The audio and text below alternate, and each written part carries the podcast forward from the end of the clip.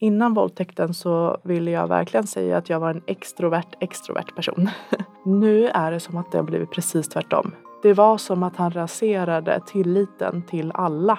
Oavsett hur jag har betett mig innan, om jag ens hade druckit någonting, whatever. Det är han som har gjort fel. Och jag vill verkligen att alla som har blivit utsatta ska känna det i sig själva också. Du har inte gjort något fel. Men om våldtäkten inte hade hänt, då hade jag nog aldrig startat företag. Välkommen till ett nytt avsnitt av Idéburen välfärd och del två av avsnittet Bara en stöt. I del ett som heter Bara en stöt våldtäkten berättar Jenny om den våldtäkt hon utsattes för. Vilket är den typen av våldtäkt som vi sällan hör om och som sällan rapporteras om i medierna. För det var just bara en stöt. I det avsnittet pratar Jenny om rättegångsprocessen som också ledde till en fällande dom. Har du inte lyssnat på det avsnittet så rekommenderar jag dig att göra det. För i det här avsnittet dyker vi rätt in i fortsättningen och pratar om vad som händer efteråt, hur livet påverkas och vad som blir annorlunda. Jenny kommer även att läsa upp några rader ur domen och spela upp ljudet från en video som hon spelade in av sig själv strax efter att ha läst domen från hovrätten. Min våldtäktsman blev fälld. Han ska in i fängelse. Och det är en del som utomstående oftast inte får ta del av, men som Jenny idag ska dela med sig av.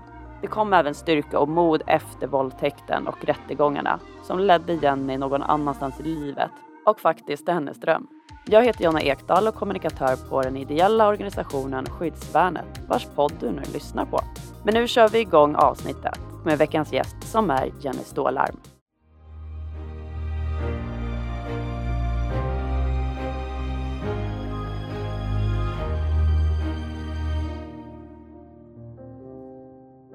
Är det någonting som du märker av i ditt liksom, vardagliga liv som är en konsekvens av våldtäkten? Mm. Några grejer. Eh, dels så drömmer jag väldigt mycket mardrömmar om nätterna fortfarande. Strax efter att det hade hänt och flera månader framöver hade jag jättemycket sömnproblem. Att jag kunde vakna mitt i natten och av ingen orsak. Liksom så.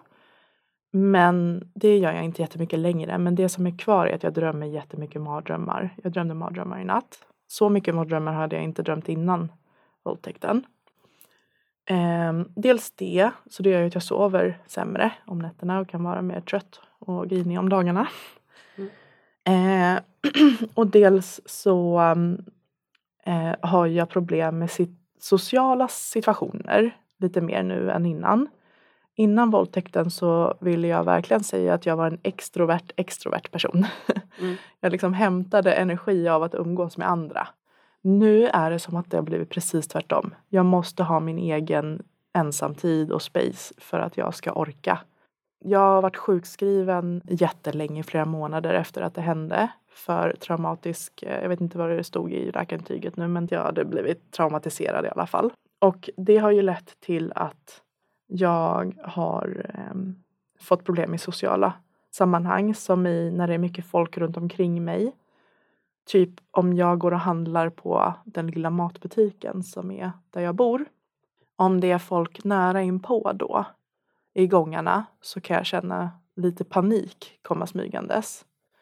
Eh, även fast det inte är han och även fast jag inte är i någon hotfull situation så har min instinkt blivit, eller min reflex har blivit att jag börjar känna panik när folk kommer för nära och jag alltså, inte har varit beredd på det.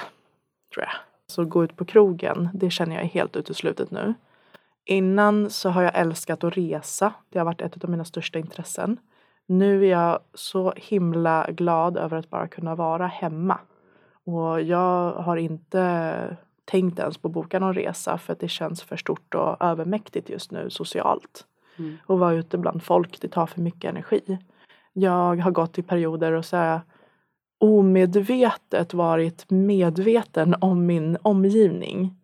Typ eh, speciellt där jag vet att han kan röra sig i sådana situationer. Eh, så jag går väl lite och tittar mig över axeln lite hela tiden och det gör ju att det tar massa energi. Jag är helt slut ibland när jag kommer hem fast det inte har hänt någonting speciellt. Ehm, och det här har på något vis skapat, alltså det, våldtäkten skapade en känsla av otrygghet, inte bara mot honom utan mot egentligen, det är jätteorättvist att säga det, men mot alla i min omgivning. För att om han kunde göra så mot mig, som jag, jag trodde inte att han eh, var kapabel till att göra någonting sånt. Vad är då alla andra kapabla till att göra när det kommer till kritan? Och som sagt, jag har inte blivit utsatt för någonting sånt här innan. Men det var som att han raserade tilliten till alla runt omkring mig.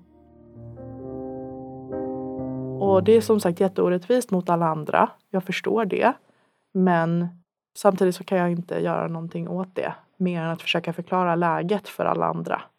De som står mig närmast om hur jag känner. Finns den förståelsen?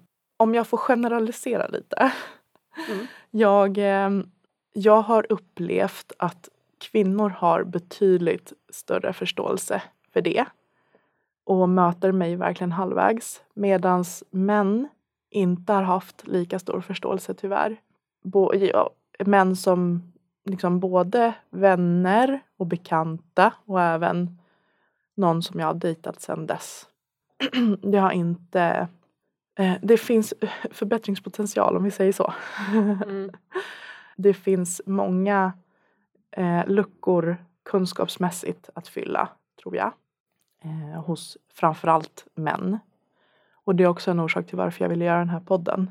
Och verkligen försöka förklara hur man som offer, om man nu får säga så om sig själv, reagerar och varför man inte kan förvänta sig samma kanske beteende och personlighet som innan för att det påverkar en så himla mycket.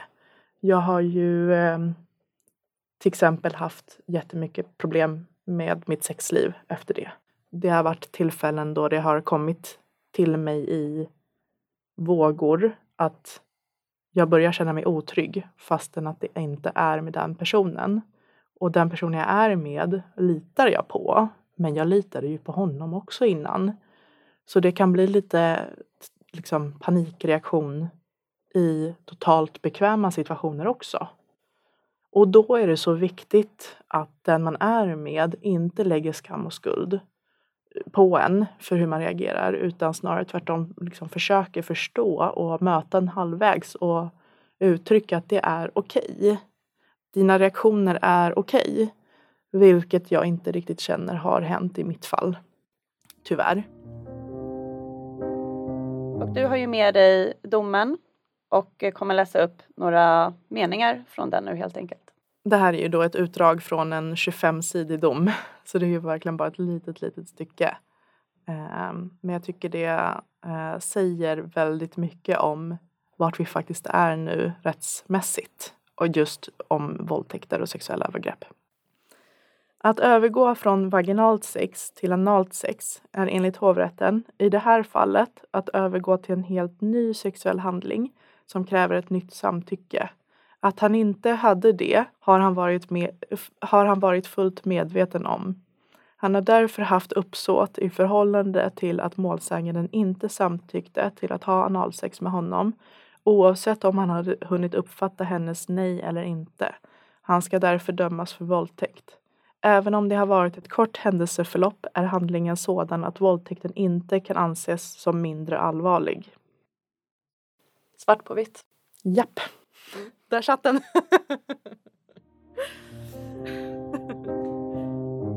Vad skulle du vilja säga till andra kvinnor som har varit eller är i samma situation som dig? Först och främst så vill jag ju verkligen uppmana folk som tyvärr blir utsatta för att spara alla bevis. Det är jätteviktigt. Utan bevis så kan det inte komma en fällande dom. Det kan inte bli en fällande dom. Eh, hellre mer än mindre och så får polisen sålla sen vad de ska ta till och spara. Eh, och sen ta hjälpen. Ta den hjälpen som erbjuds, både av rättsväsendet och sjukvården och vänner och familj och bara man behöver, alltså det är lätt att känna att man är en börda men man får lita på att folk säger stopp i så fall om det skulle bli för mycket belastning. Och i ett sånt här fall när det är så traumatisk händelse så kommer folk inte säga stopp. Man är där för sina nära och kära. Och sjukvården och poliserna, rättsväsendet är där för våran skull. De finns för att hjälpa. Eh, jag tror att det är väldigt vanligt att man inte pratar om vad som har hänt än. Man behöver ju inte gå ut i medierna så men eh, liksom ta hjälp av psykolog eller prata med vänner eller gör det som krävs för att du ska må bättre. Och för mig, när jag var mitt inne i det och hade den här eh, traumatiska akutupplevelsen, eh, eller vad det nu stod i mitt läkarintyg, det jag blev sjukskriven för. Då var det bara att sänka kraven på mig själv och lägga, en, lägga nivån där det bara var så back to basic eh, för mig. Skit i att ha någon skuld och skam, dåligt samvete om att inte vara på jobbet eller inte kunna utföra alla sysslor hemma eller mot vänner, alltså åtaganden. Liksom lägg allt sånt åt sidan. Jag vet att det är jättesvårt men övning, men det är bara att öva. Eh, och bara back to basic med jag behöver äta, jag behöver få till mina sovrutiner ordentligt och jag behöver få lite solljus och motion nästan varje dag. Eller liksom, det var det som jag hade på min to-do-list i flera veckor faktiskt innan jag kände att jag orkade börja ta tag i saker igen. Och jag tror att många inte tänker så.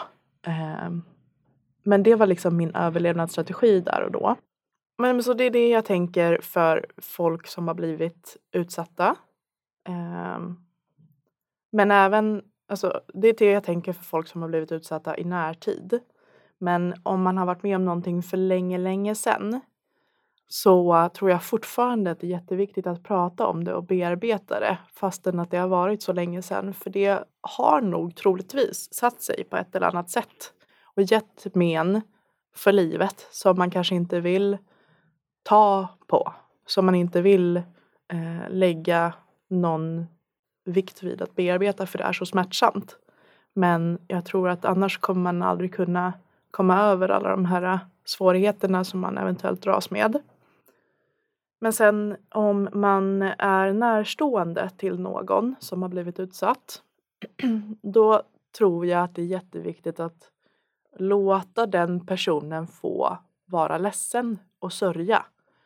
För det är ju en typ av trauma som man går igenom.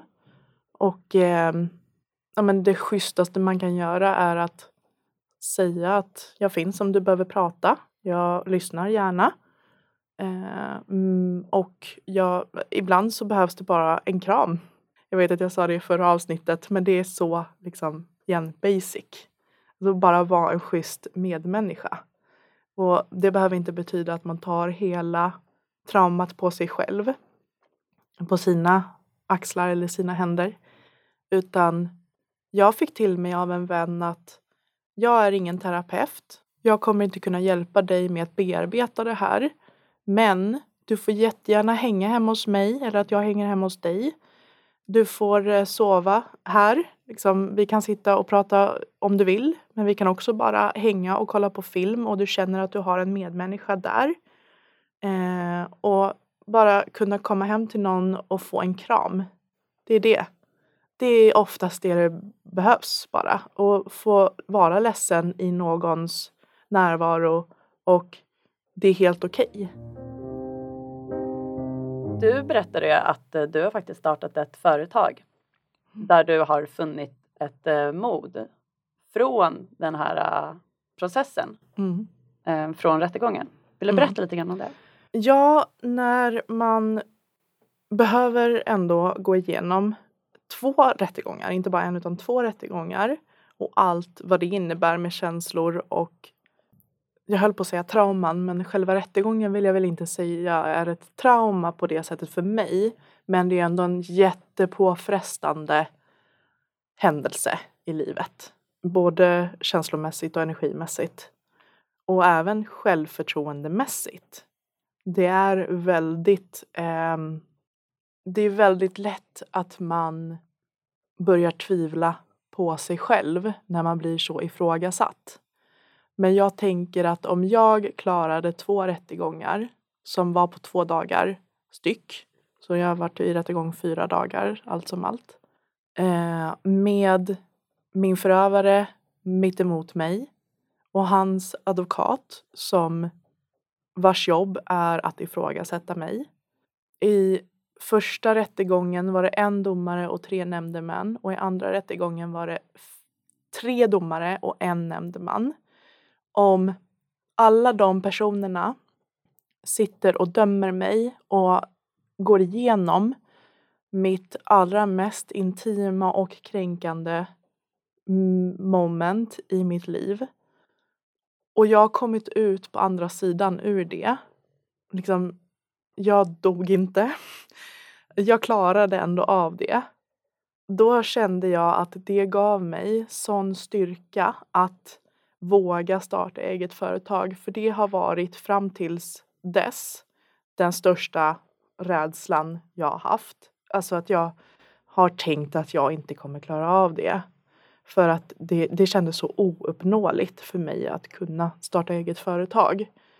Eh, det kändes så himla stort och on, onåbart för mig. Av bara tankar som jag har fått genom hur folk har pratat med mig tidigare. Som i att om man ska starta eget företag då måste man ha x antal pengar sparat redan. Man måste göra si och så med sitt tidigare jobb. Ehm, du kommer inte kunna försörja dig på tio år. Du kommer inte kunna göra ditten och datten. Du kommer inte kunna ha ett eget liv utöver företaget. Du kommer jobba dygnet runt. Du kommer inte ens kunna sova en full natt.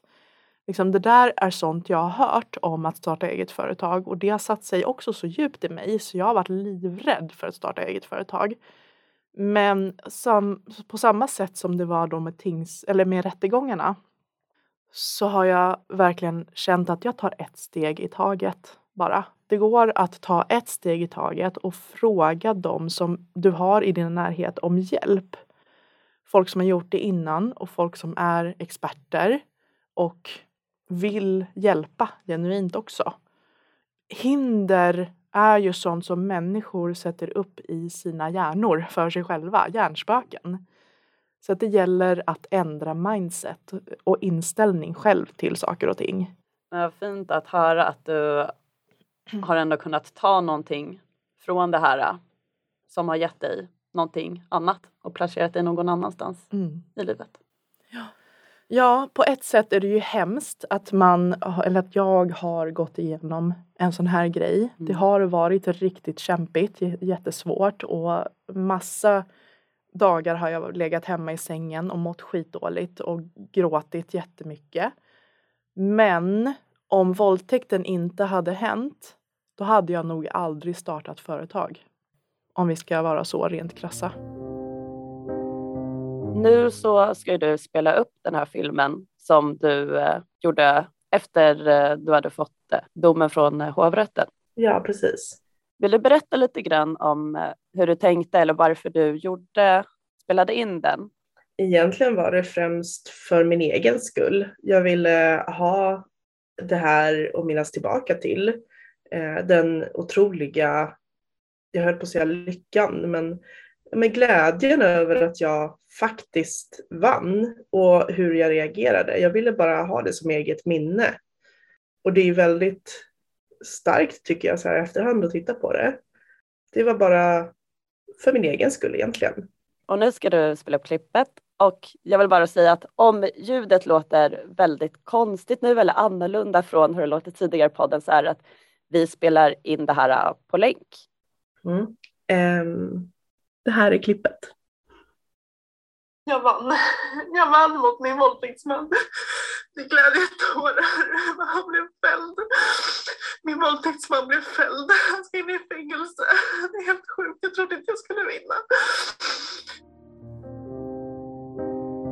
Det ger rysningar i hela kroppen. Ja, jag tror att det här är en del som man annars inte ser någonstans. Liksom. Det är väldigt speciellt att få vara med på den delen också.